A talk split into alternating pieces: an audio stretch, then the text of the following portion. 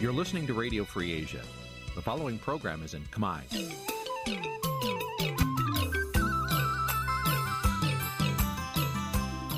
Nǐ ជាកម្មវិធីផ្សាយ Vuthu Azizi Serai នេះជាកម្មវិធីផ្សាយរបស់ Vuthu Azizi Serai ជាភាសាខ្មែរ Vuthu Azizi Serai សូមស្វាគមន៍លោកអ្នកនាងទាំងអស់ពីរដ្ឋធានី Washington នៃសហរដ្ឋអាមេរិក។ ពីរដ្ឋធានីវ៉ាស៊ីនតោនខ្ញុំបាទសេកបណ្ឌិតសូមជម្រាបសួរអស់លោកអ្នកនាងកញ្ញាអ្នកស្ដាប់ទាំងអស់ជាទីមេត្រីយើខ្ញុំសូមជូនកម្មវិធីផ្សាយសម្រាប់ព្រឹកថ្ងៃសៅរ៍ពីកើតខែកដិក ឆ្នាំឆ្លូវត្រីស័កពុទ្ធសករាជ2565ត្រូវនឹងថ្ងៃទី6ខែវិច្ឆិកា គ្រិស្តសករាជ2021ជាដំបូងនេះសូមអញ្ជើញអស់លោកអ្នកនាងស្ដាប់ព័ត៌មានប្រចាំថ្ងៃដែលមានមេតិការដូចតទៅ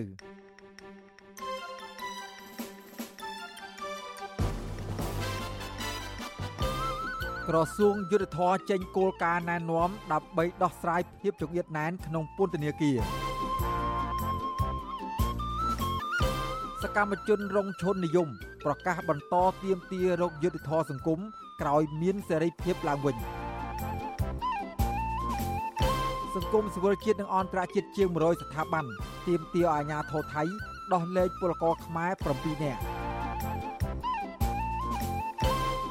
សមត្ថកិច្ចខេត្តប្រសេនុនៅមិនទាន់រំដោះកម្មករខ្មែរ3នាក់ដែលជន់ជាតិចិនបង្ខាំងឲ្យធ្វើការនៅក្នុងកាស៊ីណូមួយកន្លែងរួមនឹងព័ត៌មានផ្សេងផ្សេងមួយចំនួនទៀតជាបន្តទៅទៀតនេះខ្ញុំបាទសេកបណ្ឌិតសូមជូនព័ត៌មានពិស្ដាបាទលោកអ្នកនាងកញ្ញាជាទីមេត្រីក្រសួងយុទ្ធភ័ពចេញគោលការណ៍ណែនាំ3ចំណុចសំខាន់សំខាន់ដើម្បីដោះស្រាយភាពចង្អៀតណែននៅក្នុងពន្ធនាគារ គោលការណ៍ទាំងនោះ មានគោលដៅជំរុញការដោះលែងឲ្យនៅក្រៅឃុំជំរុញការកាត់ក្តីឲ្យបានឆាប់រហ័សដោយលើកទឹកចិត្តឲ្យតុលាការប្រើប្រាស់វិធានការអនុគ្រោះមួយចំនួន ជាពិសេសការព្យួរទោសដើម្បីពន្លឿនចំណាត់ការនីតិវិធីនៅក្នុងសំណុំរឿងដើម្បីកាត់បន្ថយភាពចង្អៀតណែននៅតាមពន្ធនាគារក្រសួងយុទ្ធភ័ពបានអះអាងថាខ្លួនបានបញ្ចប់យុទ្ធនាការដោះស្រាយការកកស្ទះសំណុំរឿងប្រមត្តននៅតាមសាលាដំបង ហើយនឹងបន្តជំរុញយន្តការដោះលែងដោយមានលក្ខខណ្ឌនិងពិនិត្យពិចារណាការបន្ធូរបន្ថយទោសនិងលើកលែងទោសក្នុងឱកាសពិធីបុណ្យឯករាជ្យជាតិនិងពិធីបុណ្យអុំទូករបាយការណ៍របស់អង្គការលីកាដូនិងអង្គការលើកលែងទោសអន្តរជាតិបង្ហាញថាអ្នកជាប់ឃុំក្នុងពន្ធនាគារនៅកម្ពុជា មានចំនួនជិត40000នាក់គិតត្រឹមខែមិថុនាឆ្នាំ2020នេះជាចំនួនដ៏ច្រើនលើសលប់ ពីព្រោះពន្ធនាគារនៅកម្ពុជាត្រូវបានប៉ាន់ប្រមាណថាអាចផ្ទុកមនុស្សបានត្រឹមចំនួនជាង26000នាក់ប៉ុណ្ណោះអង្គការទាំងនេះបញ្ជាក់ថាអ្នកជាប់ឃុំប្រមាណជិត75%មិនទាន់ទទួលបានការជំនុំជម្រះនៅឡើយទេការផ្ទុកមនុស្សលើសចំណុះនៅក្នុងពន្ធនាគារនេះបានធ្វើឲ្យអ្នកជាប់ឃុំរស់នៅទាំងលំបាកលំបិនខ្វះអនាម័យប៉ះពាល់ដល់សុខភាពផ្លូវកាយនិងផ្លូវចិត្តនិងសេចក្តីថ្លៃថ្នូរក្នុងនាមជាមនុស្ស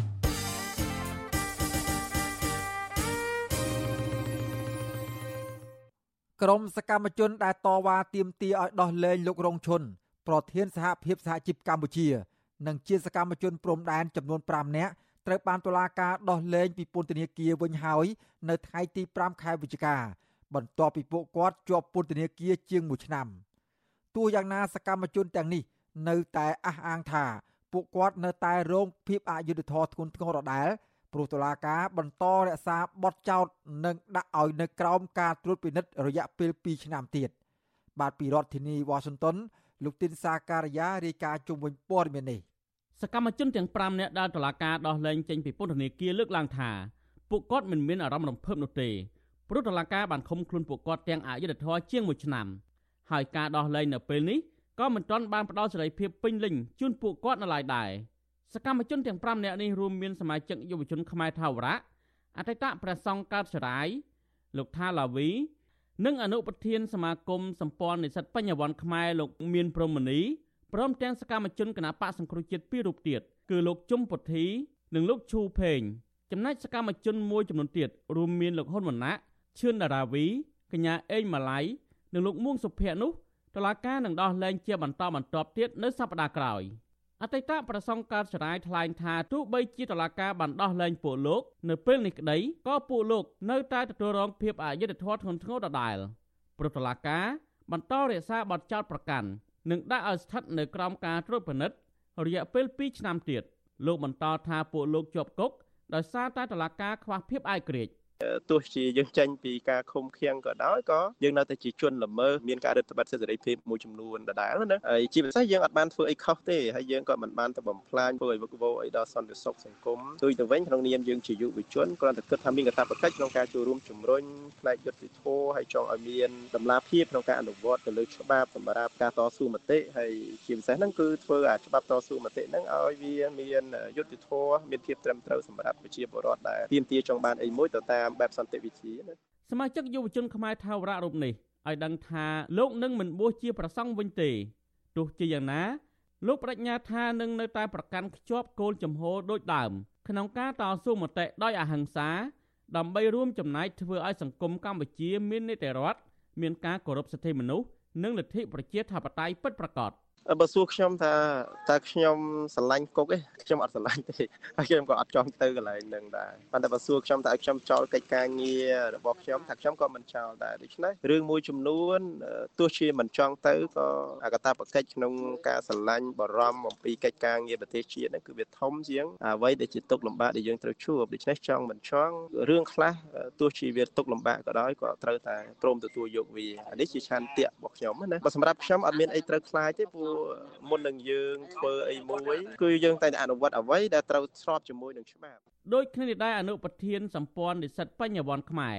លោកមានព្រមនីលើកឡើងថាអ្វីត្បិតតែតឡាការដោះលែងពួកលោកក្តីក៏ពួកលោកបន្តបាត់បង់សិទ្ធិសេរីភាពឬបន្តជាប់គុកឥតជញ្ជាំងរយៈពេល2ឆ្នាំទៀតតាមរយៈការដាក់ឲ្យស្ថិតនៅក្រោមការត្រួតពិនិត្យរបស់តុលាការលោករិះគន់ថាការដាក់ទោសទណ្ឌរូបលោកនេះគឺជារឿងអយុត្តិធម៌បំផុត ព្រោះពួកលោកគ្រាន់តែតស៊ូមតិដើម្បីយុត្តិធម៌សង្គមស្របតាមច្បាប់ជាតិនិងអន្តរជាតិតែប៉ុណ្ណោះ។ យើងឃើញថាតឡាការគាត់សម្រេចក្តីនេះវាអយុត្តិធម៌ហើយវាធ្ងន់ធ្ងរក្នុងនោះខ្លាំងពេកដូចជារឿង20ខែជាប់ពន្ធនាគារឈឺចាប់14ខែខាត់ពេលវេលាអស់លុយកាក់ច្រើនហើយឥឡូវនេះមករឿងជួទីឆ្នាំទៀតដាក់លក្ខខណ្ឌកតបកិច្ចត្រួតពិនិត្យមួយចំនួនហ្នឹងក៏វារហូតដល់2ឆ្នាំមកន័យថាវាវាធ្ងន់ធ្ងរយើងចង់ឲ្យតឡាការតម្លាក់បទចោតប្រកាន់ហើយឬមួយផ្ដល់ឲ្យយើងមានសេរីភាពពេញលេញដើម្បីឲ្យយើងមានសិទ្ធិពេញលេញនៅក្នុងការប្រកបជីវភាពរស់នៅនិងធ្វើការសម្ដែងមតិតស៊ូមតិដើម្បីពង្រឹងលទ្ធិប្រជាធិបតេយ្យយើងចូលរួមការពារសិទ្ធិមនុស្សយើងចូលរួមការពារធនធានធម្មជាតិនិងចូលរួមអភិវឌ្ឍប្រទេសប្រកបដោយនិរន្តរភាពដោយចីរភាពសកម្មជនផ្សេងទៀតក៏អះអាងដែរថាការដោះលែងនេះនៅតែគ្មានយុត្តិធម៌ហើយពួកគាត់នឹងដាក់បណ្ដឹងចំទាស់ទៅតុលាការជាន់ខ្ពស់ឲ្យទម្លាក់ចោលការចាប់ប្រកាន់និងផ្ដល់សេរីភាពពេញលេញដល់ពួកលោកឡើងវិញក្រៅពីនេះសកម្មជនទាំងនេះក៏រៀបរាប់អំពីទុកលំបាកនៅក្នុងពន្ធនាគារដូចគ្នាថាពន្ធនាគារបន្ទប់នីមួយៗដាក់មនុស្សច្រើនចង្អៀតណែន បញ្ហាខ្វះទឹកអាហារបរិភោគគ្មានអនាម័យនិងខ្វះខាតជាដើមសកម្មជនគណបកសង្គ្រោះជាតិគឺលោកឈូមេងនិយាយថាការចាប់ឃុំខ្លួនពួកលោកជាង1ឆ្នាំឲ្យរងទុក្ខវេទនានេះមិនអាចបំបាក់ស្មារតីពួកលោកបានឡើយ។ខ្ញុំមិនអាចបញ្ឈប់សន្តិភាពខ្ញុំនៅប្រទេសកណ្ដាលទីបានទេដរាបណាប្រទេសកម្ពុជាមិនទាន់មានគោរពសិទ្ធិមនុស្សនិងប្រជាធិបតេយ្យពិតប្រាកដនៅឡើយខ្ញុំនិងក្រុមរបស់ខ្ញុំដែលចេញថ្ងៃនេះបានប្រាជ្ញារួចហើយថាបន្តទៀមទាទៀមទាយកលទ្ធិប្រជាធិបតេយ្យមកឲ្យប្រទេសកម្ពុជាឲ្យបានពេញលេញ មិនដូចទីប្រជាសពថ្ងៃដែលមានតែបកលទ្ធិប្រជាធិបតេយ្យតែប៉ុណ្ណោះអញ្ញាធិរបបលហ៊ុនសែនបានចាប់និងឃុំខ្លួនសកម្មជនទាំងនេះកាលពីខែសីហានិងខែកញ្ញាឆ្នាំ2020ដែលចោទពីបទញុះញង់ពាក់ព័ន្ធនឹងការតវ៉ាទាមទារឲ្យដោះលែងមេដឹកនាំសហជីពនិងអ្នកខ្លំមើលព្រំដែនកម្ពុជាលរងឈុននឹងមានគម្រោងតវ៉ានៅទីលានប្រជាធិបតេយ្យដើម្បីទាមទារយុត្តិធម៌សង្គមកាលពីសប្តាហ៍មុនចៅក្រមសាលាដំបងរាជធានីភ្នំពេញលោកសិទ្ធសុធីបរិឆាត បានសម្រេចផ្តន្ទាទោសសកម្មជនកំពុងជាប់ឃុំចំនួន10នាក់ឲ្យជាប់ពន្ធនាគារ20ខែនិងបង្គាប់ឲ្យបង់ប្រាក់ពិន័យចំនួន500ដុល្លារក្នុងម្នាក់ម្នាក់ប៉ុន្តែចៅក្រមរូបនេះបានតម្រូវឲ្យសកម្មជនទាំងនេះជាប់ពន្ធនាគារ14ខែទៅ15ខែហើយទោសនៅសល់ត្រូវព្យួរតុលាការក៏បានដាក់ឲ្យសកម្មជនទាំងនោះស្ថិតនៅក្រោមការត្រួតពិនិត្យរបស់តុលាការដែរគឺរយៈពេល2ឆ្នាំទៀតហើយតម្រូវឲ្យរាយការណ៍ទៅព្រះអាជ្ញាបើសិនជាពួកគេផ្លាស់ប្តូរអាសយដ្ឋាន ការងារ ឬចង់ទៅក្រៅប្រទេសតើតើនឹងករណីនៃប្រធានអង្គភិបអ្នកនាំពាក្យរដ្ឋាភិបាលលោកផៃស៊ីផានមានប្រសាសន៍ថាការដោះលែងសកម្មជនសង្គមនិងសកម្មជននយោបាយក្នុងកំឡុងពេលនេះមិនមែនដោយសារតែរដ្ឋាភិបាលរងសម្ពាធពីសហគមន៍អន្តរជាតិនិងចង់ស្ដារមុខមាត់ក្នុងពេលកម្ពុជាក្លាយជាប្រធានអាស៊ាននោះទេការដោះលែងហ្នឹងវាស្ថិតទៅលើចៅក្រមស្ថិតទៅលើសាលាតុលាការទេមិនមែនដោះលែងនៅក្នុងនយោបាយទេ ទោះជាយ៉ាងណាក៏ដោយការដោះលែងសកម្មជនសង្គមនិងបរិស្ថានសកម្មជននយោបាយជាបន្តបន្ទាប់នៅពេលនេះកើតឡើងស្របពេលដែលតំណាងរាស្ត្រសហរដ្ឋអាមេរិកកំពុងតែជំរុញការអនុម័តច្បាប់ដាក់ទណ្ឌកម្មលើក្រុមមេដឹកនាំកម្ពុជាកម្ពុជានៅកម្ពុជាលើសពីនេះក៏ជួនពេលដែលកម្ពុជាកំពុងក្លាយជាប្រធានអាស៊ានបដូវវេនដែលអ្នកខ្លោមើលជឿថាលោកហ៊ុនសែនអាចបន្ធូរបន្ថយភាពតានតឹងនយោបាយខ្លះដើម្បីកុំឲ្យរងសម្ពាធនឹងការរិះគន់ពីសហគមន៍ជាតិនិងអន្តរជាតិកាន់តែខ្លាំងជុំ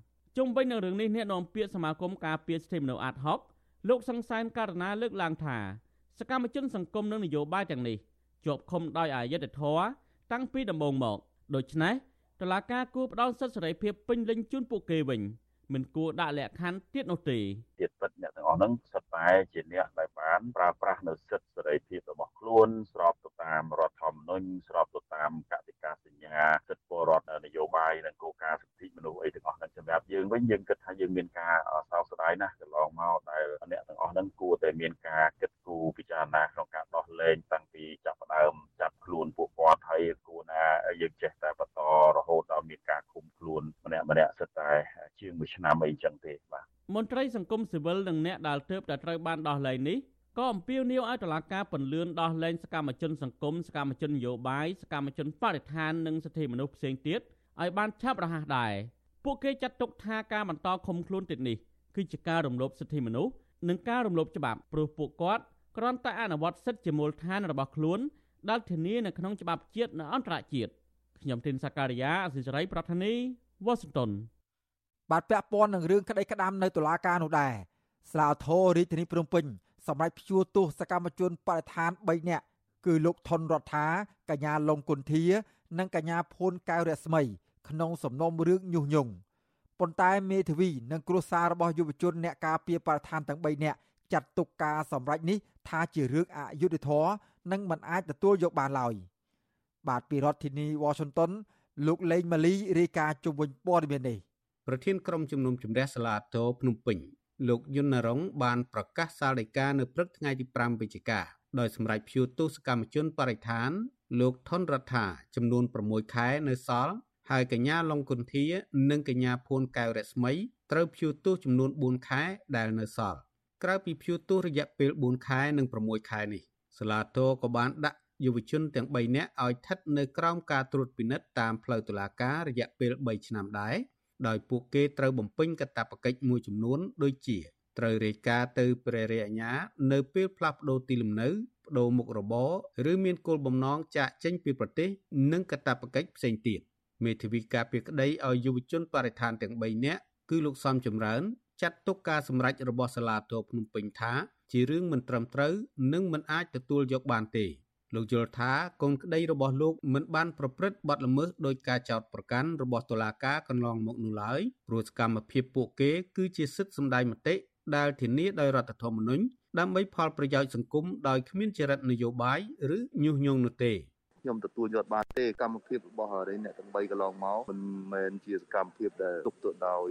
គំនិតទុច្ចរិតឬក៏គំនិតបំពានច្បាប់នោះទេអ្វីៗគាត់ធ្វើឡើងក្នុងគោលបំណងដើរផលប្រយោជន៍រួមគឺគោលដៅគឺគាត់ចង់បានបរិស្ថានក្នុងប្រទេសកម្ពុជាដែលមានភាពសមស្របការអភិវឌ្ឍទាំងការរឿងដំណើរការផ្សេងៗរបស់សង្គមនឹងលោកសំចម្រើនបញ្ជាក់ថាកូនក្តីលោកទាំង3នាក់នៅតែរក្សាជំហរមិនទទួលយកការសម្រេចរបស់តុលាការលោកឲ្យដឹងទៀតថា រហូតមកដល់ពេលនេះពួកគេបានជាប់ពន្ធនាគាររយៈពេល14ខែ ដែលគ្រប់ចំនួននៃទោសរួចហើយដូច្នេះតាមនីតិវិធីបើគ្មានបណ្ដឹងតំណាងអាយការារាំងសេចក្តីសម្រេចរបស់ក្រុមប្រឹក្សាជំនុំជម្រះនោះទេតុលាការត្រូវដោះលែងកូនក្តីរបស់លោកឲ្យមានសេរីភាពវិញវិទ្យុអស៊ីសេរីមិនអាចតាក់ទងប្រធានសាលាតោភ្នំពេញលោកយូប៊ុនលេងដើម្បីសាកសួរបន្ថែមជុំវិញរឿងនេះបានទេ នៅថ្ងៃទី5វិច្ឆិកា ប្រពន្ធលោកថនរដ្ឋាគឺលោកស្រីប៉ាត់រស្មីចាត់ទុកការសម្រេចរបស់តុលាការនេះថាជារឿងអយុត្តិធម៌និងឈឺចាប់បំផុតសម្រាប់សកម្មជនបរិស្ថាន ដែលលះបង់ដើម្បីការពារផលប្រយោជន៍ពលរដ្ឋនិងសង្គមលោកស្រីស្នើយ៉ាងទទូចដល់តុលាការឲ្យទម្លាក់ចោលការចោទប្រកាន់និងដោះលែងប្តីលោកស្រី និងសកម្មជនបរិស្ថានដទៃទៀតឲ្យមានសេរីភាពវិញ ខ្ញុំមានការសោកស្ដាយមែនទែនដោយសារតែគាត់ជាសកម្មជនបរិស្ថានហើយត្រូវបានសាលាការចាប់គាត់ដាក់ពន្ធនាគារមកដល់ឥឡូវហ្នឹងគឺ14ខែហើយហើយខ្ញុំពិតជាឈឺចាប់មែនទែនដោយសាលាការសម្រាប់សាលការបែបនេះប្តីខ្ញុំគួរតែទទួលបាននៃយុត្តិធម៌គួរតែសាលាការដានចោលរបបចោលប្រកាន់ទាំងអស់ឲ្យគាត់មានសេរីភាពមិនមែនសម្រឹមទោសគាត់ខំនេះលោកស្រីបរិស្មីឲ្យដឹងថាគិតត្រឹមល្ងាចថ្ងៃទី5វិច្ឆិកា អាជ្ញាធរពន្ធនាគារមិនទាន់សម្រេចដោះលែងប្តីលោកស្រីនិងយុវជន2នាក់ទៀតឲ្យមានសេរីភាពនៅឡើយទេគណៈក្រុមគ្រួសារកំពុងទន្ទឹងរង់ចាំសាច់ញាតិនៅមុខពន្ធនាគារព្រៃសរជុំវិញរឿងនេះនាយករងទទួលបន្ទុកផ្នែកឃ្លាំមើលសិទ្ធិមនុស្សនៃអង្គការ Liga do លោកអមសំអាតសោកស្ដាយចំពោះសាលដីកានេះលោកបន្តថាថ្មីបើសាលាតោសម្រេចបន្ថយទោសក្នុងពន្ធនាគារនិងព្យួរទោសដល់សកម្មជនទាំង3ខ្លះក៏ដោយ ប៉ុន្តែសាលដីកានេះនៅតែជាសារគម្រាមកំហែងបំផិតបំភ័យលើយុវជនដែលចង់ចូលរួមការពារបរិស្ថាន និងធនធានធម្មជាតិដដែល។ យើងមើលថាគាត់រងការរៀបកំហែងពីរដងន័យថាទី1នេះគឺការកាត់ទោសនៅក្នុងសំណុំរឿងញុះញង់ហើយគាត់ក៏នៅមានជាប់សំណុំរឿងមួយទៀតគឺសំណុំរឿងរួមកំណត់បត់ដែលគេមើលឃើញថាបត់ល្មើសនៃការចោទប្រកាន់ទៅលើសកម្មជនបរិស្ថានហ្នឹងកាន់តែធ្ងន់ធ្ងរទៅធ្ងន់ធ្ងរទៅវាជាការគំរាមកំហែងជាការបំផិតបំភ័យទៅលើសេរីភាពជាមូលដ្ឋានរបស់ពលរដ្ឋណា របបលោកហ៊ុនសែនបានចាប់ខ្លួនលោកថនរដ្ឋាកញ្ញាឡុងគុន្ធា និងកញ្ញាភួនកែវរស្មីកាលពីដើមខែកញ្ញាឆ្នាំ2020ការចាប់ខ្លួននេះកើតមានឡើងបន្ទាប់ពីកញ្ញាឡុងគុន្ធា បានប្រកាសពីគម្រោងស្លៀកពាក់សដើរពីវត្តភ្នំទៅភូមិគ្រឹះលោកនាយករដ្ឋមន្ត្រីហ៊ុនសែនដើម្បីស្នើសុំជួបលោកនិយាយពីរឿងផលប៉ះពាល់នៃការលុបបង្កតមោកនៅជាយរាជធានីភ្នំពេញ តុលាការបានផ្តន្ទាទោសពួកគេទាំង3នាក់ឲ្យជាប់ពន្ធនាគារពី18ខែដល់20ខែក្រោមបទចោទញុះញង់ឲ្យមានភាពវឹកវរធ្ងន់ធ្ងរដល់សន្តិសុខសង្គមក្រោយមកតុលាការបានចោទប្រកាន់ពួកគេមួយបទល្មើសថ្មីទៀតគឺបទរួមគំនិតក្បត់ដែលត្រូវបានក្រុមអ្នកសិទ្ធិមនុស្សរិះគន់ថា ជារឿងមិនសមហេតុផល និងមិនត្រឹមត្រូវតាមគោលការណ៍ច្បាប់ កាលពីពេលថ្មីៗនេះ ក្រុមអ្នកជំនាញសិទ្ធិមនុស្សរបស់អង្គការសហប្រជាជាតិបានបន្តអំពាវនាវដល់រដ្ឋាភិបាលកម្ពុជាឲ្យបញ្ឈប់ការប្រើប្រាស់ប្រព័ន្ធតុលាការធ្វើជាឧបករណ៍ដើម្បីផ្ដន្ទាទោសលើអ្នកហ៊ាននិយាយអំពីសិទ្ធិមនុស្សនៅកម្ពុជាក្រុមអ្នកជំនាញសិទ្ធិមនុស្សទាំងនេះគូបញ្ជាក់ថា ពួកគេព្រួយបារម្ភជាខ្លាំងនិងភ្ញាក់ផ្អើលដែលថារដ្ឋាភិបាលកម្ពុជាបានប្រើប្រាស់តុលាការជាមធ្យោបាយជាថ្មីទៀតក្នុងការបំបិតសម្លេងរិះគន់របស់អ្នកដែលហ៊ាននិយាយរិះគន់រួមទាំងសកម្មភាពអហិង្សាដែលត្រូវបានការពារដោយសិទ្ធិសេរីភាពនៃការបញ្ចេញមតិខ្ញុំបាទលេងម៉ាលីវិទ្យុអស៊ីសេរីរាយការណ៍ពីរដ្ឋធានី Washington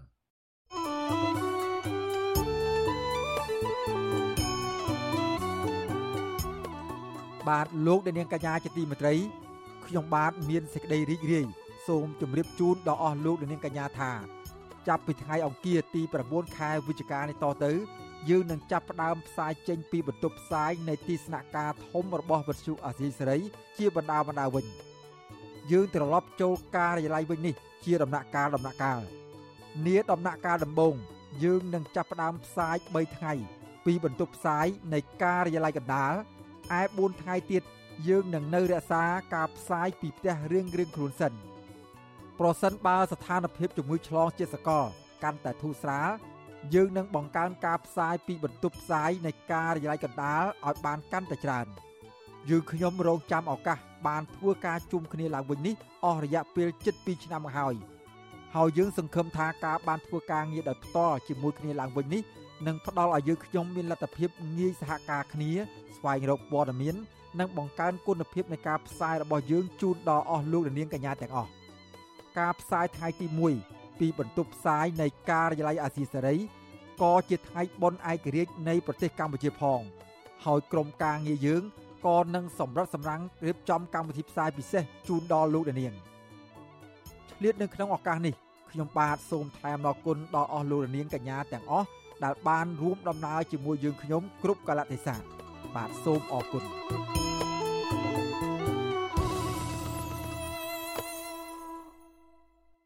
បាទលោកនាងកញ្ញាជាទីមេត្រីគណៈបកភ្លើងទៀនដែលជាអតីតគណៈបកសំរាំងស៊ីមិនទាន់បង្ហាញជំហរច្បាស់លាស់ចូលរួមប្រកួតប្រជែងក្នុងការបោះឆ្នោតឆ្នាំ2022និងឆ្នាំ2023ខាងមុខនោះឡើយអ្នកនាំពាក្យគណៈបកនេះលើកឡើងថា គណៈបកភ្លើងទៀនពិបាកនឹងចូលរួមប្រគួតប្រជែងជាមួយនឹងគណៈបកកណ្ដាលអំណាចប្រសិនបើវិបត្តិនយោបាយនៅតែអូសបន្លាយជាបន្តទៀតបាទពីរដ្ឋធានី Washington អ្នកស្រីម៉ៅសុធីនីរាយការណ៍ជុំវិញព័ត៌មាននេះគណៈបកភ្លើងទៀននឹងបង្ហាញចំហរបស់ខ្លួនថាចូលរួមឬមិនចូលរួមការប្រកួតប្រជែងក្នុងការបោះឆ្នោតឆ្នាំ2022និងឆ្នាំ2023តាមរយៈការធ្វើសមាជសាមញ្ញនៅថ្ងៃទី27ខែវិច្ឆិកាខាងមុខ ប៉ុន្តែតំណាងគណៈបកនេះលើកឡើងថាស្ថានភាពនយោបាយសពថ្ងៃនេះនៅតែបន្តការគម្រាមកំហែងដល់អ្នកប្រជាធិបតេយ្យអ្នកនាំពាក្យគណៈបកភ្លើងទៀននិងជាអតីតមន្ត្រីជាន់ខ្ពស់គណៈបកសង្គ្រោះជាតិលោកថាច់សិដ្ឋានិយាយថាគណៈបកភ្លើងទៀននៅពេលនេះប្រៀបដូចជាផ្ទះចាស់របស់លោកក្នុងការប្រម៉ែប្រមូលអ្នកប្រជាធិបតេយ្យឡើងវិញ លោកបន្តថាគណៈបកនេះនឹងធ្វើជាដើមឈើផ្ដាល់មលុបដល់អតីតអ្នកគ្រប់គ្រងនិងអតីតមន្ត្រីបកសង្គ្រោះជាតិដែលបានបែកខ្ញែកគ្នា4ឆ្នាំមកហើយលោកបញ្ជាក់ថាគណៈបកភ្លឹងទៀននៅតែមានរចនាសម្ព័ន្ធនិងអ្នកគ្រប់គ្រងអាចធ្វើសកម្មភាពនយោបាយបានជាដដែល ចាទោះជាយ៉ាងណាលោកថាប៉ះសិនបើបរិយាកាសនយោបាយដូចសពថ្ងៃ ដែលមិនសេរីយុត្តិធម៌នឹងការគម្រាមកំហែងគឺពិបាកធ្វើឲ្យគណៈបកនេះចូលរួមប្រកួតប្រជែងជាមួយនឹងគណៈបកកាន់អំណាចណាស់ដូចថារបបផ្ទះចាស់វិញផ្លូវទៀនហ្នឹងដូចជាផ្ទះចាស់របស់ខ្ញុំវិលត្រឡប់មកវិញដើម្បីប្រម៉ែប្រមូល គ្រូរួបរวมគ្នាដើម្បីយើងធ្វើសកម្មភាពដល់លទ្ធិជាតិតៃឡើងវិញយើងរងចាំជាង3ឆ្នាំទៅហើយហើយយើងដឹងហើយថាអ្វីដែលការតស៊ូទាំងអសិទ្ធិសេរីភាពបានទាំងអស់វាស្រេចទៅលើការតស៊ូរបស់យើងហើយបើយើងគ្រាន់តែនៅស្ងៀមរងចាំគេដាក់ទៀនឲ្យរងចាំគេប្រគល់មកឲ្យយើងអានឹងប្រហែលជាវាពិបាកហើយ គណៈបកសំរងស៊ីបានបដូរឈ្មោះទៅជាគណៈបកភ្លើងទៀនកាលពីខែកញ្ញាឆ្នាំ2017ដោយសាររបបលោកហ៊ុនសែនបានកែប្រែច្បាប់គណៈបកនយោបាយមិនឲ្យប្រើឈ្មោះបុគ្គលជាឈ្មោះបកក្រោយមានការរួបរวมគ្នាជាមួយគណៈបកសិទ្ធិមនុស្សបង្កើតបានជាគណៈបកសង្គ្រោះជាតិគណៈបកភ្លើងទៀនមិនបានបង្ហាញសកម្មភាពនយោបាយច្រើនជាសាធារណៈនោះទេ ចាទោះជាយ៉ាងណាក្រោយរបបក្រុងភ្នំពេញរំលាយគណៈបកសង្គ្រោះជាតិជិត4ឆ្នាំមកនេះគណៈបកភ្លើងទៀនក៏បានចាប់ផ្ដើមមានសកម្មភាពឡើងវិញដោយក្រុងរៀបចំសមាជសាមញ្ញដើម្បីធ្វើវិសោធនកម្មប្រការមួយចំនួននៃលក្ខន្តិកៈនិងការជ្រើសតាំងសមាជិកភាពថ្នាក់ដឹកនាំអាណត្តិថ្មីរួមទាំងកំណត់យុទ្ធសាស្ត្រនយោបាយរបស់គណៈបកជាដើមជុំវិញរបបនយោបាយថ្មីនេះអ្នកសម្របសម្រួលផ្នែកអង្កេត របស់អង្គការឃ្លាំមើលការបោះឆ្នោត Conference លោកកនសវាងលើកឡើងថាក្រុមអង្គការសង្គមស៊ីវិលធ្លាប់ចេញសេចក្តីថ្លែងការណ៍រួមស្នើទៅរដ្ឋាភិបាល និងអ្នកពាក់ព័ន្ធឲ្យស្ដារស្ថានភាពឡើងវិញដើម្បីឲ្យមានការប្រកួតប្រជែងផ្នែកនយោបាយរវាងគណៈបកនានាជាមួយនឹងគណៈបកកណ្ដាលអំណាចដើម្បីទទួលបានការស្មើភាពគ្នា ចាអ្នកខ្លំមើលកិច្ចការបោះឆ្នោតរូបនេះយល់ថាប៉ះសិនបើគណៈបកភ្លើងទៀនចូលរួមការបោះឆ្នោតក៏ពិបាករកសម្លេងគ្រប់គ្រងពីប្រជាប្រដ្ឋដែរព្រោះអតីតមន្ត្រីគណៈបកសង្គ្រោះជាតិមួយចំនួនក៏បានបង្កើតគណៈបកថ្មីដើម្បីចូលរួមការបោះឆ្នោតនោះដែរលំបាកសម្រាប់ប្រជាពលរដ្ឋនៅឡើយដែលឲ្យមានការជឿទុកចិត្តណាបាទទោះបីជាគណៈបកភ្លើងទៀនហ្នឹងក៏ដោយបាទ ចារីឯអ្នកនាំពាក្យគណៈបកប្រជាជនកម្ពុជាលោកសុកអេសាននិយាយថាគម្រោងធ្វើសមាជនេះជារឿងធម្មតារបស់គណៈបកនយោបាយព្រោះគណៈបកភ្លើងទៀននៅតែមានសិទ្ធិពេញលេញក្នុងការធ្វើសកម្មភាពនយោបាយចាលោកបន្តថាទោះបីគណៈបកនេះប្រម៉ែប្រមូលអ្នកគ្រប់គ្រងឬក៏មន្ត្រីគណៈបកសង្គ្រោះជាតិបែបណាក្តីក៏លោកថាมันបានគម្រាមកំហែងដល់គណៈបកប្រជាជនកម្ពុជានោះឡើយ។ អតីតបពប្រឆាំងដែលបានទទួលនីតិសម្បទាធ្វើនយោបាយឡើងវិញ វាជាកម្លាំងរបស់គណៈបកប្រឆាំងពីមុនមកតើហើយឥឡូវមកមានអស់ណា118ហ្នឹងណាមកទៅបាន20ជិត30នាក់តែប៉ុណ្្នឹងតើយើងព្រួយបារម្ភអីអាហ្នឹង ក្រុមអ្នកសង្កេតការលើកឡើងថាគណៈបកនយោបាយណាមួយឬគណៈបកថ្មីថ្មីប៉ះសិនបើគ្មានការប្រកាសគាំទ្រពីប្រមុខដឹកនាំបកសង្គ្រោះជាតិទាំងពីររូបគឺលោកសំរងស៊ីនិងលោកកឹមសុខាទេ គឺនឹងមិនទទួលបានការគាំទ្រពីប្រជាប្រដ្ឋនោះឡើយ ចាអ្នកវិភាគនយោបាយបណ្ឌិតសេងសេរី សង្កេតឃើញថាការវិលទៅចូលរួម ក្នុងគណៈបកភ្លើងទៀនវិញ ពីសំណាក់មន្ត្រីបកប្រឆាំងនៅពេលនេះ អាចទៅសាគណៈបកបេះដូងជាតិទំនងជាមិនត្រូវបានក្រសួងមហាផ្ទៃយល់ព្រមចុះបញ្ជីផ្លូវការឲ្យនោះឡើយ លោកថាការវើទៅផ្ទះចាស់ឡើងវិញបែបនេះមិនមែនជាជំរឿល្អឥតខ្ចោះនោះទេប៉ុន្តែលោកថាទំនងជាមេដឹកនាំគណៈបកសង្គ្រោះជាតិពិបាកក្នុងការជ្រើសរើសមធ្យោបាយផ្សេងពីនេះក្នុងការចូលរួមការបោះឆ្នោតនាពេលខាងមុខ ជំរើសមួយនេះមិនល្អឥតខ្ចោះទេព្រោះវាជាជំរើសដែលគណៈបកកណ្ដាលអំណាចចង់បានយូរហើយក៏ប៉ុន្តែវាអត់មានជំរើសថ្មីក្រាន់ក្រាន់បើឬក៏ល្អជាងហ្នឹងទេនៅក្នុងកលៈទេសៈនេះបើសិនជាមិនអញ្ចឹងទេគឺមានន័យថាត្រូវបានខកខាននៅក្នុងការចូលរួមការបោះឆ្នោតឆ្នាំ2022 2023ហើយហើយកន្លងមកយើងឃើញថានៅពេលដែលអវត្តមានគណៈបកប្រឆាំងអវត្តមានមន្ត្រីជាន់ខ្ពស់ឬក៏ត្រីជាដែលអាចខ្លាយទៅជាសមាជិកសភាហ្នឹងយើងឃើញថាវាមានវិបត្តិសង្គមវាមានបញ្ហាសង្គមកើតឡើងច្រើនណាស់ចាជុំវិញរឿងនយោបាយនេះដែរថ្នាក់ដឹកនាំគណៈបកបេះដូងជាតិបានជួបមន្ត្រីស្ថានទូតសហរដ្ឋអាមេរិកដើម្បីលើកឡើង អំពីវត្តមានរបស់គណៈបកបេះដូងជាតិនិងការព្រួយបារម្ភពីកិច្ចដំណើរការនៃការចុះបញ្ជីគណៈបកបេះដូងជាតិ ចាស្ថាបនិកគណៈបកនេះលោកសៀមភ្លុកឲ្យវិទ្យុអសីស្រីដឹងនៅថ្ងៃទី5ខែវិច្ឆិកាថាមន្ត្រីជាន់ខ្ពស់នៃស្ថានទូតសហរដ្ឋអាមេរិកសម្ដែងការយកចិត្តទុកដាក់ចំពោះវត្តមានគណៈបកបេះដូងជាតិហើយក៏បានសម្ដែងការព្រួយបារម្ភចំពោះស្ថានភាពលទ្ធិប្រជាធិបតេយ្យនិងសិទ្ធិមនុស្សនៅកម្ពុជានោះដែរចាននាងខ្ញុំម៉ៃសុធានីវិទ្យុអាស៊ីស្រីប្រធានាធិបតី Washington បាទលោកអ្នកនាងកញ្ញាជាទីមេត្រីពាក់ព័ន្ធនឹងពលករនៅប្រទេសថៃឯនោះវិញសង្គមស៊ីវិលជាតិនិងអន្តរជាតិជាង100ស្ថាប័នចាត់ទុកការបន្តឃុំខ្លួនពលករខ្មែរ7នាក់ពីសំណាក់អាជ្ញាធរក្រុងបាងកកប្រទេសថៃថាជាការរំលោភបំពានសិទ្ធិមនុស្សក្រុមអង្គការសង្គមស៊ីវិលជាតិនិងអន្តរជាតិទាំងនោះ មានដូចជា អង្គការសង្ត្រាល់អង្គការលីកាដូបណ្ដាញពលករតំបន់មេគង្គមូលនិធិធនធានអាស៊ី មូលនិធិសម្រាប់សិទ្ធិជំនួយប្រចាំប្រទេសថៃ និងមជ្ឈមណ្ឌលជំនួយការសម្រាប់កម្មករប្រចាំប្រទេសហ្វីលីពីនជាដើម បានរួមគ្នាចេញសេចក្តីថ្លែងការណ៍មួយ កាលពីថ្ងៃទី1ខែវិច្ឆិកាពួកគេអំពាវនាវដល់រដ្ឋាភិបាលក្រុងបាងកកឲ្យដោះលែងពលករខ្មែរ7នាក់ជាបន្ទាន់ដោយចាត់ទុកការចាប់ខ្លួននេះថាជាការរំលោភបំពានសិទ្ធិមនុស្សបន្ទាប់ពីការសម្រេចរបស់រដ្ឋាភិបាលក្រុងបាងកកផ្ដល់ការលើកលែងចំពោះពលករអន្តោប្រវេសន៍ ដែលគ្មានឯកសារគ្រប់គ្រាន់កាលពីថ្ងៃទី29ខែតុលាអាជ្ញាធរថៃបានចាប់ខ្លួនអ្នកទាំងនោះខណៈពួកគាត់ទៅដាក់ញត្តិនៅក្រសួងការងារថៃទាមទារឲ្យមានភាពប្រសើរឡើងនៅកិច្ចគាំពៀសុខុមាលភាព និងសិទ្ធិពលករអន្តោប្រវេសន៍ដែលកំពុងធ្វើការនៅក្នុងប្រទេសនេះអំឡុងមានវិបត្តិជំងឺ Covid-19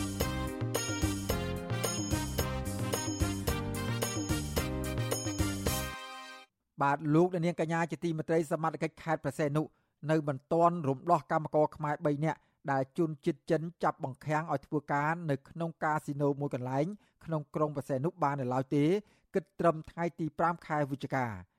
សាច់ញាតិជនរងគ្រោះថ្លែងសុំមិនបញ្ចេញឈ្មោះប្រាប់បទសុអាស៊ីស្រីថានគរបាលនៃស្នងការខេត្តព្រះសីហនុបានទទួលពាក្យបណ្ដឹងរបស់លោករួចហើយនិងកំពុងស៊ើបអង្កេតរឿងនេះ តែមិនទាន់រំដោះសាច់ញាតិរបស់លោក3នាក់ចេញពីកាស៊ីណូមួយកន្លែងស្ថិតនៅក្នុងសង្កាត់3ក្រុងបរសេនុបាននៅឡើយទេ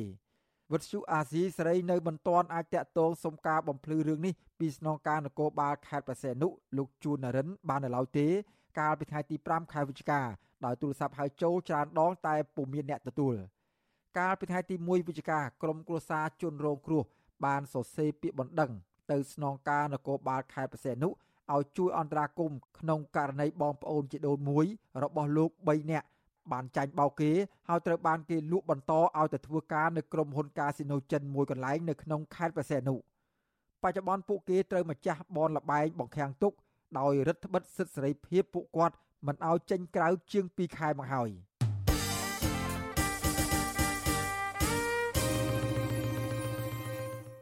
បាទលោកអ្នកនាងកញ្ញាជាទីមេត្រីពាក់ព័ន្ធនឹងទំនាក់ទំនងកម្ពុជាចិនវិញលោកនាយករដ្ឋមន្ត្រីហ៊ុនសែនដែលកំពុងកាន់អំណាចនៅកម្ពុជា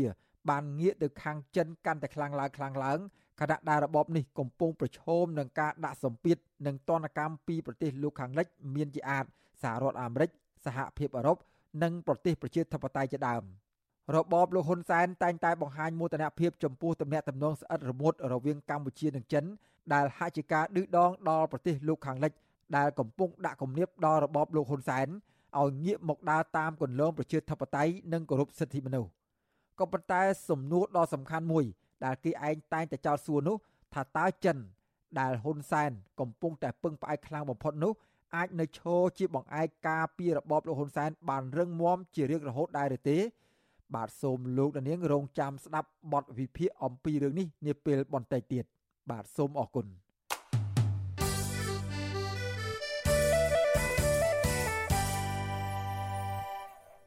បាទលោកដានាងកញ្ញាជាទីមេត្រីពាក់ព័ន្ធនឹងវិវាទដីធ្លីនៅឯខេត្តកោះកុងឯនោះវិញតុលាការខេត្តកោះកុងបានចេញដីកាកោះហៅតំណាងពលរដ្ឋ10នាក់ដែលមានវិវាទដីធ្លីដ៏រ៉ាំរ៉ៃជាមួយនឹងអង្គការហេងហ៊ុយឲ្យចូលបំភ្លឺនៅសវនាការនៅពេលខាងមុខពាក់ព័ន្ធនឹងបទល្មើសព្រហ្មទណ្ឌពីរករណីអង្គការសង្គមស៊ីវិលស្នើសុំឲ្យតុលាការពិនិត្យមើលសំណុំរឿងនេះឲ្យបានច្បាស់លាស់និងទម្លាក់ចោលការចោទប្រកាន់មកលើប្រជាពលរដ្ឋព្រោះរឿងរ៉ាវអស់ទាំងនេះ គឺកើតចេញពីចំនួនដីធ្លីដែលពុំមានដំណោះស្រាយបាទពីរដ្ឋធានីវ៉ាស៊ីនតោនលោកទីនសាការីយ៉ាមានសេចក្តីរាយការណ៍មួយទៀតជុំវិញព័ត៌មាននេះព្រះរាជអាជ្ញារងនៃសាលាដំបងខេត្តកោះកុងលោកវៃភិរមបង្គាប់ឲ្យជនជាប់ចោត9នាក់ត្រូវជាតំណាងបរដ្ឋជិត200គ្រួសារដែលមានចំនួនដីធ្លីជាមួយក្រុមហ៊ុនហេងអភិវឌ្ឍនៅភូមិតានីឃុំជីខលើស្រុកស្រែអំបិលចូលបំភ្លឺក្នុងសវនាការនៅថ្ងៃទី24វិច្ឆិកាខាងមុខតាក់ទងនឹងបទចោតបរិហាកេ និងញុះញង់ឲ្យមានភាពវឹកវរធ្ងន់ធ្ងរដល់សន្តិសុខសង្គមប្រព្រឹត្តទៅនៅក្នុងខេត្តកោះកុងនិងរាជធានីភ្នំពេញចាប់ពីខែមិថុនាឆ្នាំ2019ដល់បច្ចុប្បន្នតំណាងបរដ្ឋចាត់ទុកការចាប់ប្រកាន់ពីតុលាការនេះថាជាការគំរាមកំហែងនិងបំបាក់ស្មារតីអ្នកភូមិដែលបាត់បង់ដីស្រែជាង14ឆ្នាំមកនេះកុំឲ្យចេញតវ៉ារត់ដំណោះស្រាយពីអាជ្ញាធរនិងក្រសួងពាក់ព័ន្ធតទៅទៀតតំណាងបរដ្ឋម្នាក់ក្នុងចំណោមនោះលោកឆាន់ឈឿនប្រាប់វិទ្យុអសិរ័យនៅថ្ងៃទី5វិច្ឆិកាថា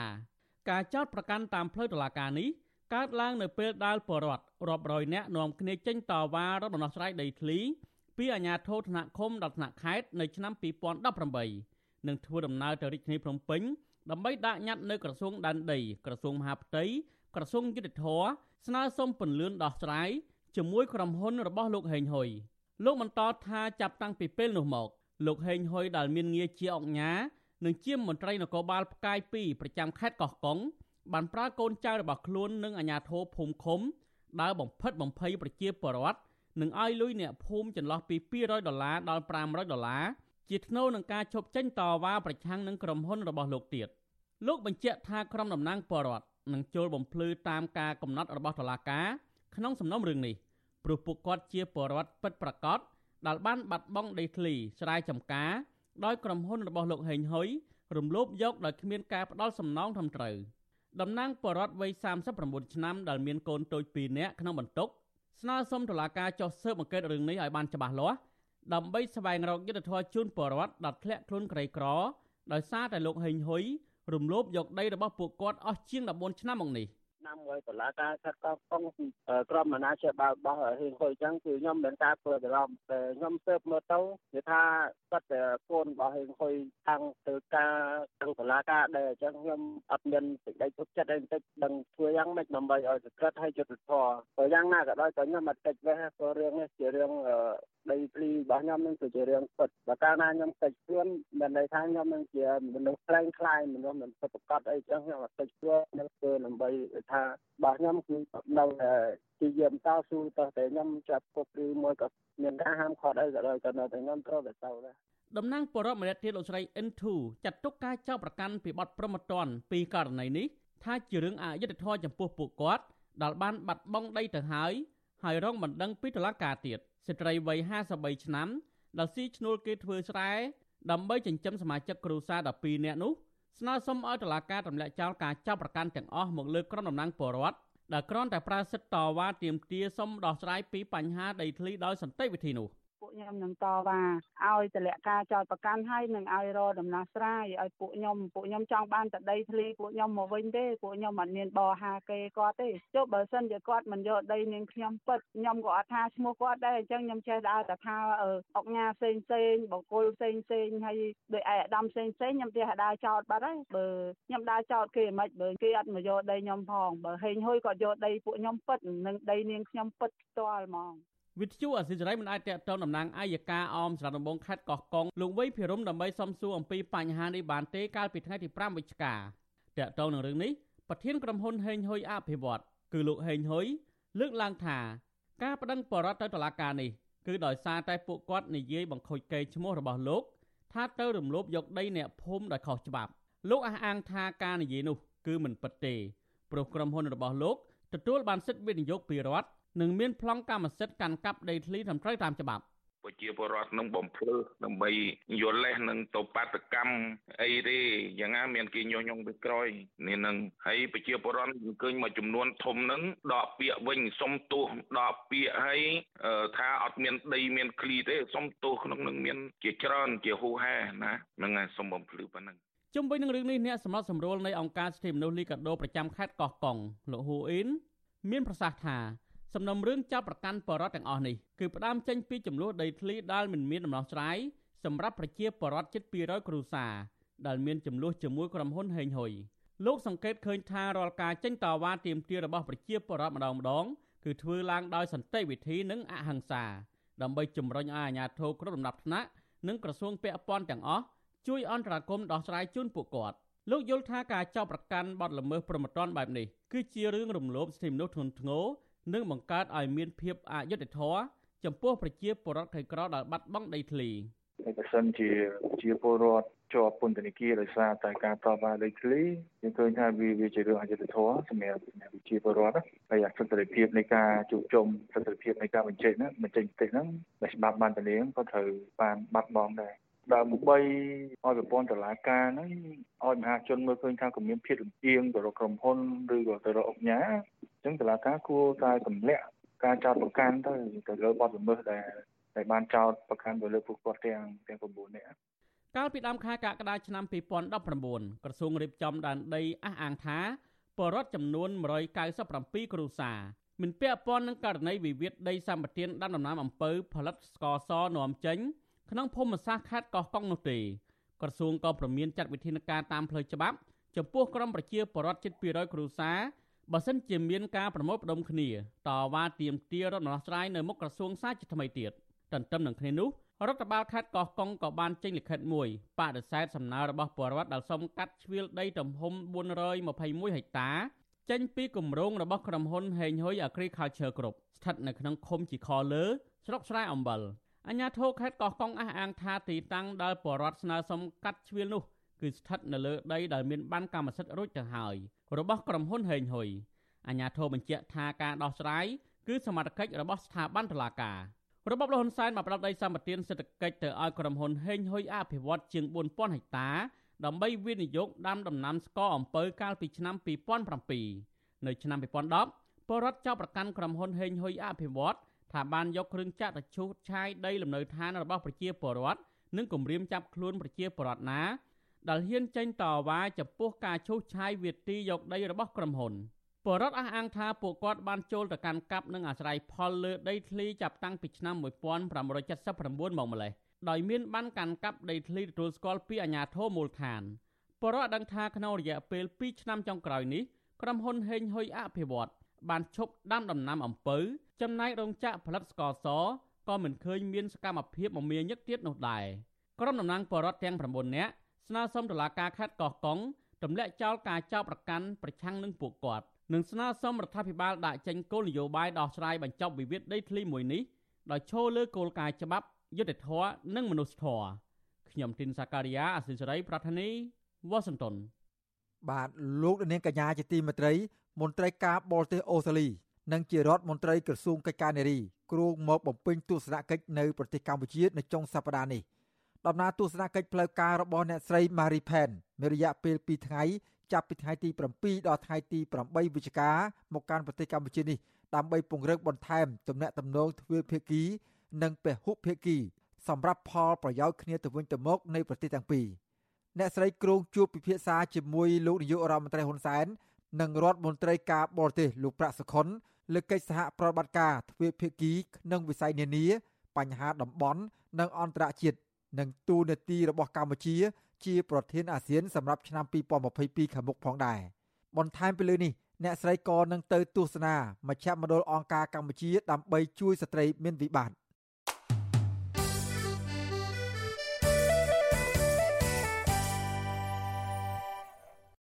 បាទលោកអ្នកនាងកញ្ញាជាទីមេត្រីពាក់ព័ន្ធនឹងស្ថានភាពជំងឺ Covid-19 វិញករណីស្លាប់ដោយសារជំងឺ Covid-19 បានកើនឡើងដល់ជាង2800នាក់ហើយក្រោយពីអ្នកជំងឺចំនួន5នាក់ទៀតបានស្លាប់ក្នុងនោះមាន3នាក់មិនបានចាក់វ៉ាក់សាំងចំណែកករណីឆ្លងថ្មីវិញក្រសួងសុខាភិបាលប្រកាសថាមាន78នាក់ដែលជាលទ្ធផលបញ្ជាក់ដោយម៉ាស៊ីនពិសោធន៍ PCR ប៉ុន្តែតួលេខនេះមិនទាន់រាប់បញ្ចូលលទ្ធផលដែលពិនិត្យតាមឧបករណ៍តេស្តរហ័សឬ Rapid Test នោះទេគិតត្រឹមព្រឹកថ្ងៃទី5ខែវិច្ឆិកាកម្ពុជាមានអ្នកកើតជំងឺ Covid-19 ជិត120,000នាក់ក្នុងនោះអ្នកជាសះស្បើយមានជាង110,000នាក់ក្រសួងសុខាភិបាលប្រកាសថាគិតត្រឹមថ្ងៃទី4ខែវិច្ឆិការដ្ឋាភិបាលចាក់វ៉ាក់សាំងជូនដល់ប្រជាពលរដ្ឋគ្រប់អាយុបានប្រមាណ10លាននាក់ហើយសម្រាប់ដូសទី1និងជាង9លាន6សែននាក់សម្រាប់ដូសទី2 ចំណែកកុមារនិងយុវជនដែលមានអាយុចាប់ពី6ឆ្នាំដល់17ឆ្នាំវិញក្រសួងបញ្ជាក់ថាបានចាក់វ៉ាក់សាំងបានជាង3លាន7សែននាក់ក្នុងចំណោមអ្នកដែលត្រូវចាក់វ៉ាក់សាំងសរុបជិត4លាននាក់ជាមួយគ្នានេះក្រសួងសុខាភិបាលអនុញ្ញាតឲ្យប្រើប្រាស់វ៉ាក់សាំងបង្ការជំងឺ Covid-19 មួយប្រភេទទៀតក្នុងលក្ខខណ្ឌបន្ទាន់គឺវ៉ាក់សាំង Covaxin ដែលផលិតនៅប្រទេសឥណ្ឌា គណៈកាលពីថ្ងៃទី3ខែវិច្ឆិកាក្រសួងបានអនុញ្ញាតឲ្យប្រើប្រាស់ឱសថព្យាបាលជំងឺ Covid-19 ឈ្មោះ Molnupiravir ដែលផលិតនៅប្រទេសឥណ្ឌាដូចគ្នា។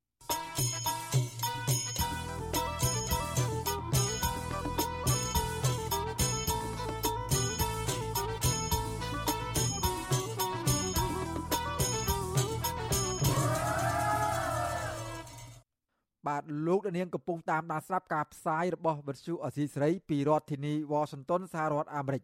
ក្រៅពីស្ដាប់និងទស្សនាការផ្សាយរបស់យើងខ្ញុំតាមបណ្ដាញសង្គម Facebook និង YouTube លោកនាងក៏អាចស្ដាប់ការផ្សាយរបស់វិទ្យុអសីស្រី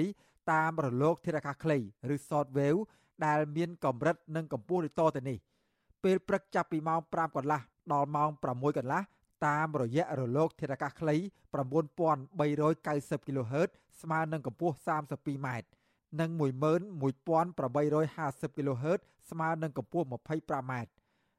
ពេលយប់ចាប់ពីម៉ោង7កន្លះដល់ម៉ោង8កន្លះតាមរយៈរលកធាតុអាកាសខ្លី9390 kHz ស្មើនឹងកម្ពស់32ម៉ែត្រនិង15155 kHz ស្មើនឹងកម្ពស់20ម៉ែត្របាទសូមអរគុណ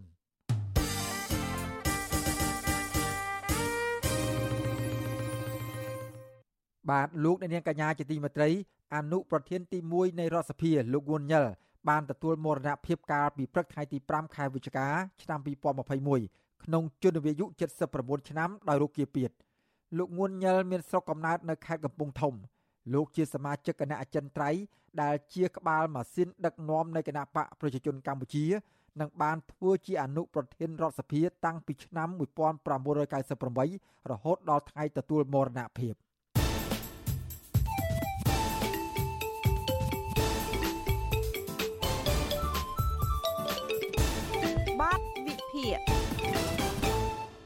បាទលោកដានាងកញ្ញាជាទីមេត្រីពាក់ព័ន្ធនឹងទំនាក់ទំនងរវាងកម្ពុជាចិន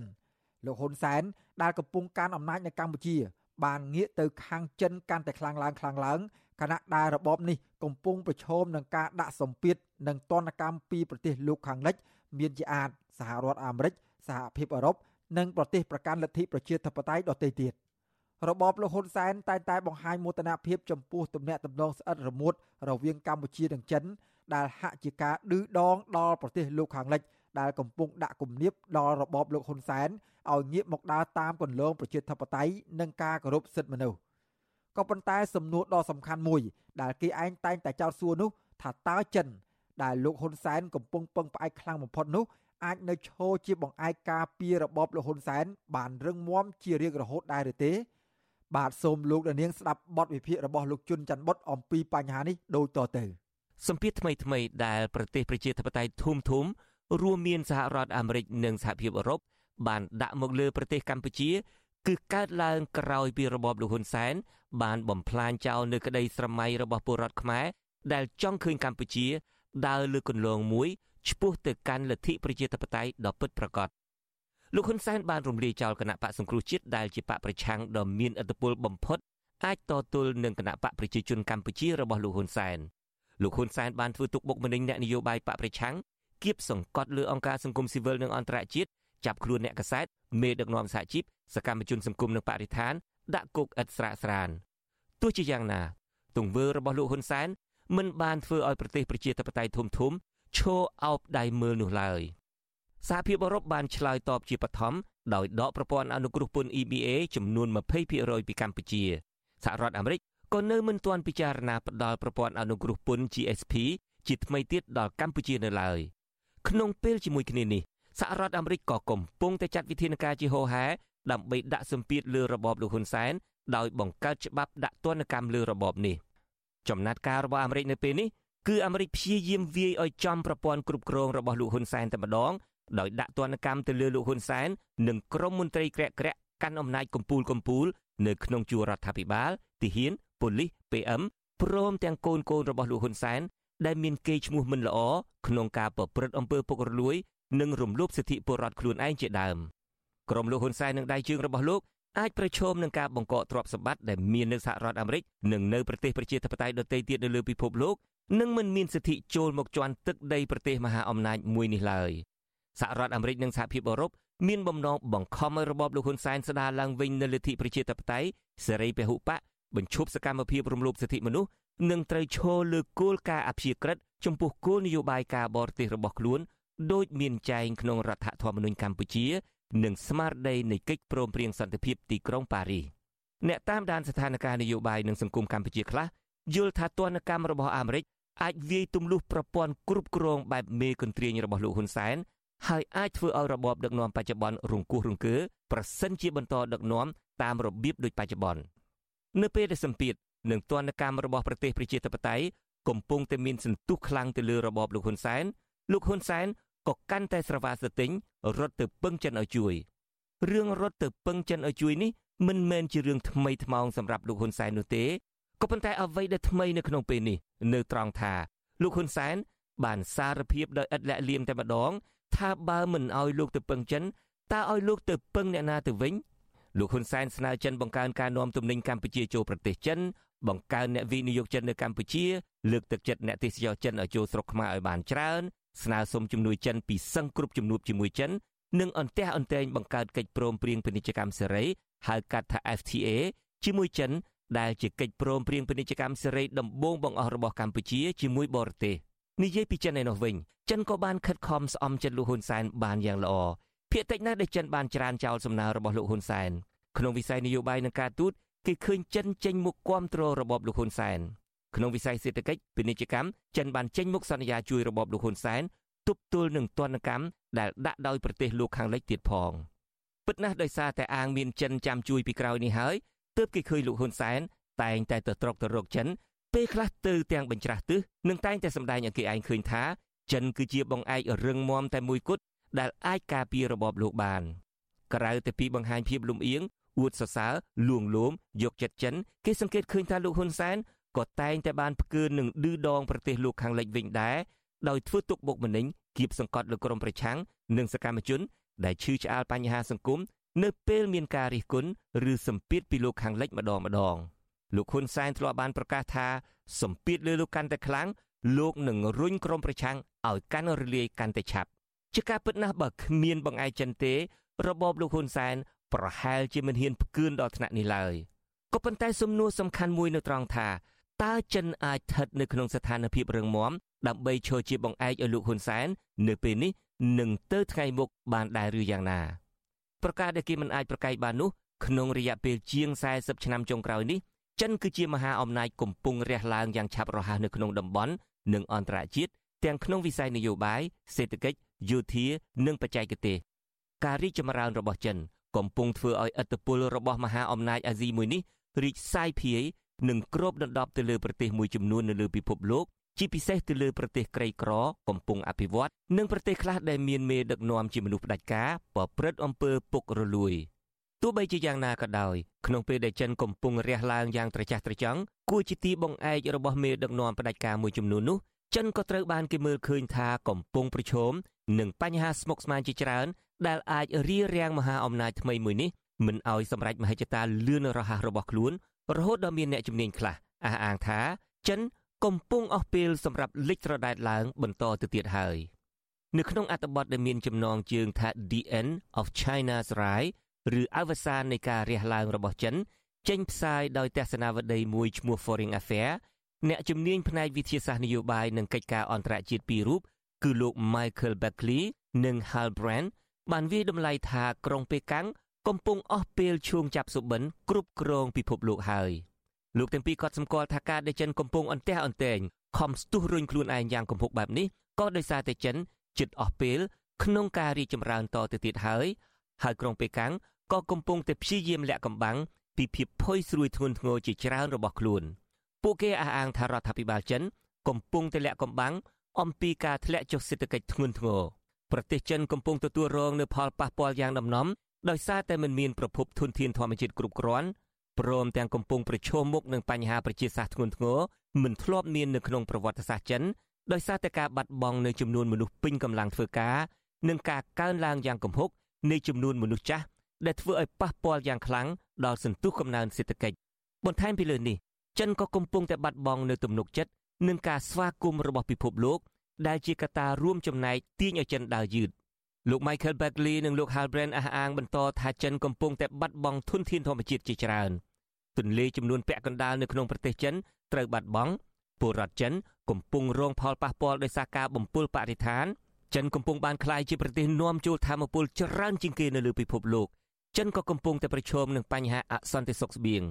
កសិករចិនបាត់បង់ដីស្រែចម្ការ ដែលបានធ្វើឲ្យប្រទេសនេះក្លាយជាប្រទេសដែលនាំចូលផលិតផលកសិកម្មច្រើនជាងគេបង្អស់នៅលើពិភពលោកនាពេលបច្ចុប្បន្ននេះ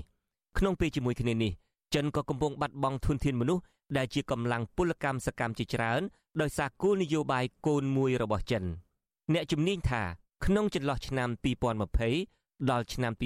2035ប្រទេសចិននឹងបាត់បង់មនុស្សពេញកម្លាំងធ្វើការប្រមាណ70លាននាក់ នឹងទទួលបានមកវិញនៅមនុស្សវ័យចំណាស់មិនអាចធ្វើការបានចំនួន130លាននាក់ហើយនៅចន្លោះពីឆ្នាំ2035ដល់ឆ្នាំ2050ប្រទេសចិននឹងបាត់បង់មនុស្សពេញកម្លាំងធ្វើការចំនួន105លាននាក់បន្ថែមទៀតនិងបង្កើនឡើងនៅមនុស្សវ័យចំណាស់មិនអាចធ្វើការបានចំនួន64លាននាក់បន្ថែមទៀតលើសពីនេះការដឹកនាំបែបផ្ដាច់ការនៅប្រទេសចិនក៏កំពុងទាញបង្អាក់ការលូតលាស់របស់ប្រទេសនេះក្រុមហ៊ុនសហគ្រាសឯកជន មិនសូវត្រូវបានរដ្ឋអំណាចចិនយកចិត្តទុកដាក់លើកទឹកចិត្តនោះឡើយពួកគេជួបប្រទះនឹងការខ្វះខាតមូលធនខណៈដែលសហគ្រាសគ្រប់គ្រងដោយរដ្ឋទទួលបានប្រមាណ80%នៃកម្ចីនិងការឧបត្ថម្ភរបស់រដ្ឋបន្ថែមពីលើនេះភាពដឹកនាំបែបផ្ដាច់ការរបស់អ្នកនយោបាយចិនក៏កំពុងតែធ្វើឲ្យចិនបាត់បង់នូវការគ្រប់គ្រងរបស់ពិភពលោកជាក់ស្ដែងប្រទេសដែលមានសេដ្ឋកិច្ចលូតលាស់ខ្លាំងភាគច្រើនមិនទទួលយកឡើយនៅប្រព័ន្ធបច្ចេកវិទ្យារបស់ចិន អ្នកជំនាញសន្និដ្ឋានថាភាពលូតលាស់របស់ចិនក្នុងរយៈពេល40ឆ្នាំកំពុងដល់ទីបញ្ចប់ហើយពួកគេថាចិនកំពុងតែប្រឈមនឹងបញ្ហាធំធំចំនួន2នោះគឺការធ្លាក់ចុះនៃកំណើនសេដ្ឋកិច្ចនិងការឡោមព័ទ្ធផ្នែកយុទ្ធសាស្ត្រទាំងពីសំណាក់ក្រមប្រទេសនៅក្នុងតំបន់ដែលកំពុងមានចំនួនជាមួយចិននៅសមុទ្រចិនខាងត្បូងទាំងពីសំណាក់ប្រទេសផ្សេងផ្សេងទៀតដែលជាសម្ព័ន្ធមិត្តរបស់អាមេរិកនៅក្នុងតំបន់និយាយបែបផ្សេងចិនកំពុងបង្កើតឲ្យមានសត្រូវនៅជុំវិញខ្លួន ដូច្នេះទើបគេមើលឃើញថាមានការបង្កើតឡើងនៅក្រមប្រទេសសម្ព័ន្ធមិត្តនៅក្នុងតំបន់ Indo-Pacific ដើម្បីទប់ទល់នឹងឥទ្ធិពលរបស់ចិនអ្នកជំនាញមើលឃើញថាប្រហែលដោយសារប្រទេសខ្លះបានមើលឃើញពីភាពកំសោយនិងភាពផុយស្រួយរបស់ចិនទាំងអស់នេះហើយទើបពួកគេហ៊ានងើបឡើងតតាំងប្រឆាំងមហិច្ឆតារបស់ចិនក្នុងនោះក៏មានកោះតៃវ៉ាន់ដែលចិនធ្លាប់ប្រកាសជាច្រើនលើកច្រើនសារថានឹងប្រើកម្លាំងទ័ពដើម្បីវាយកកោះនេះប្រសិនបើកោះតៃវ៉ាន់ហ៊ានប្រកាសឯករាជ្យផ្ដាច់ចេញពីចិន។ ប្រសិនបើចិនកំពុងមានបញ្ហាស្មុគស្មាញជាច្រើនដោយការអះអាងរបស់អ្នកជំនាញមែននោះចិនប្រហែលជាពិបាកធ្វើជាបង្អែករឿងមមរបស់មេដឹកនាំផ្ដាច់ការដែលមិនគោរពសិទ្ធិមនុស្សនៅលើពិភពលោកបានយូរអង្វែងនោះឡើយប្រសិនបើមេដឹកនាំទាំងអស់នោះត្រូវបានប្រទេសប្រជាធិបតេយ្យធំធំដាក់សម្ពាធឬដាក់ទណ្ឌកម្មធ្ងន់ធ្ងរដល់របបរបស់ពួកគេក្នុងនោះក៏អាចមានរបបដឹកនាំរបស់លោកហ៊ុនសែនដែរ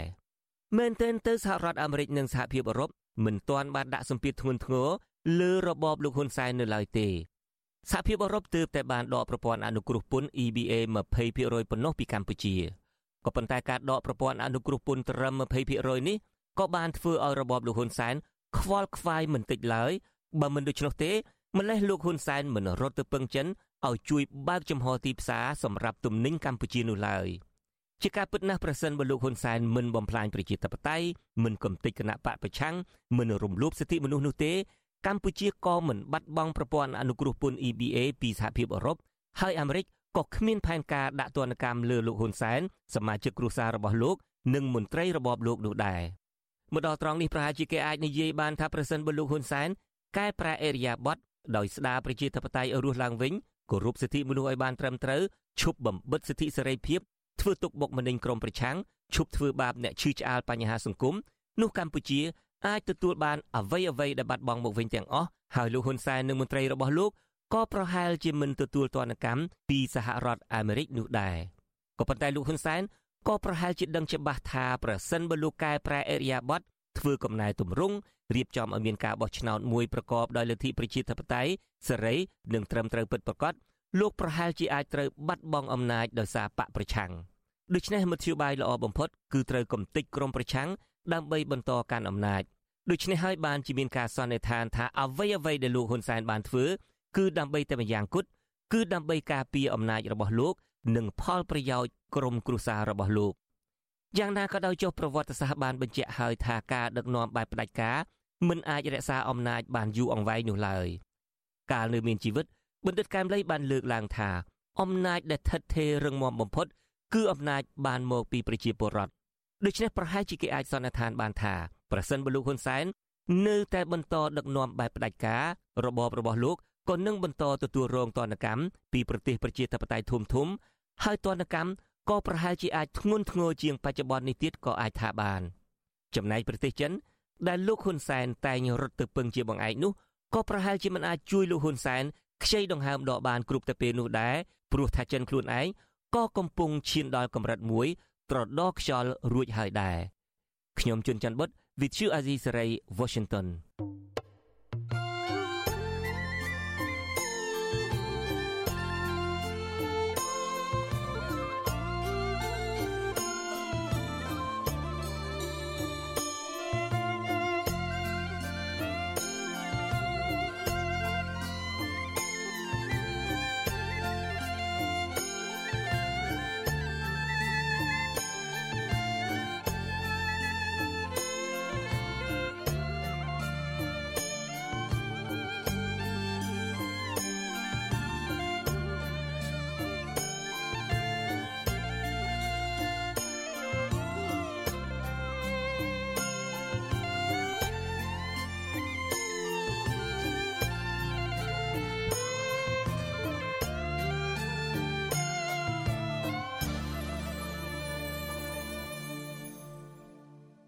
បាទលោកអ្នកនាងកញ្ញាជាទីមេត្រីការផ្សាយរបស់វិទ្យុអសីសេរីសម្រាប់ព្រឹកនេះបានឈានដល់ទីបញ្ចប់ហើយខ្ញុំបាទសេកបណ្ឌិតព្រមទាំងក្រុមការងារទាំងអស់នៃវិទ្យុអាស៊ីសេរីសូមគោរពជូនពរដល់អស់លោកអ្នកនាងឲ្យជួបប្រកបតែនឹងសេចក្តីសុខចម្រើនរុងរឿងកំបីគ្លៀងគ្លាឡើយខ្ញុំបាទសូមអរគុណនិងសូមជម្រាបលា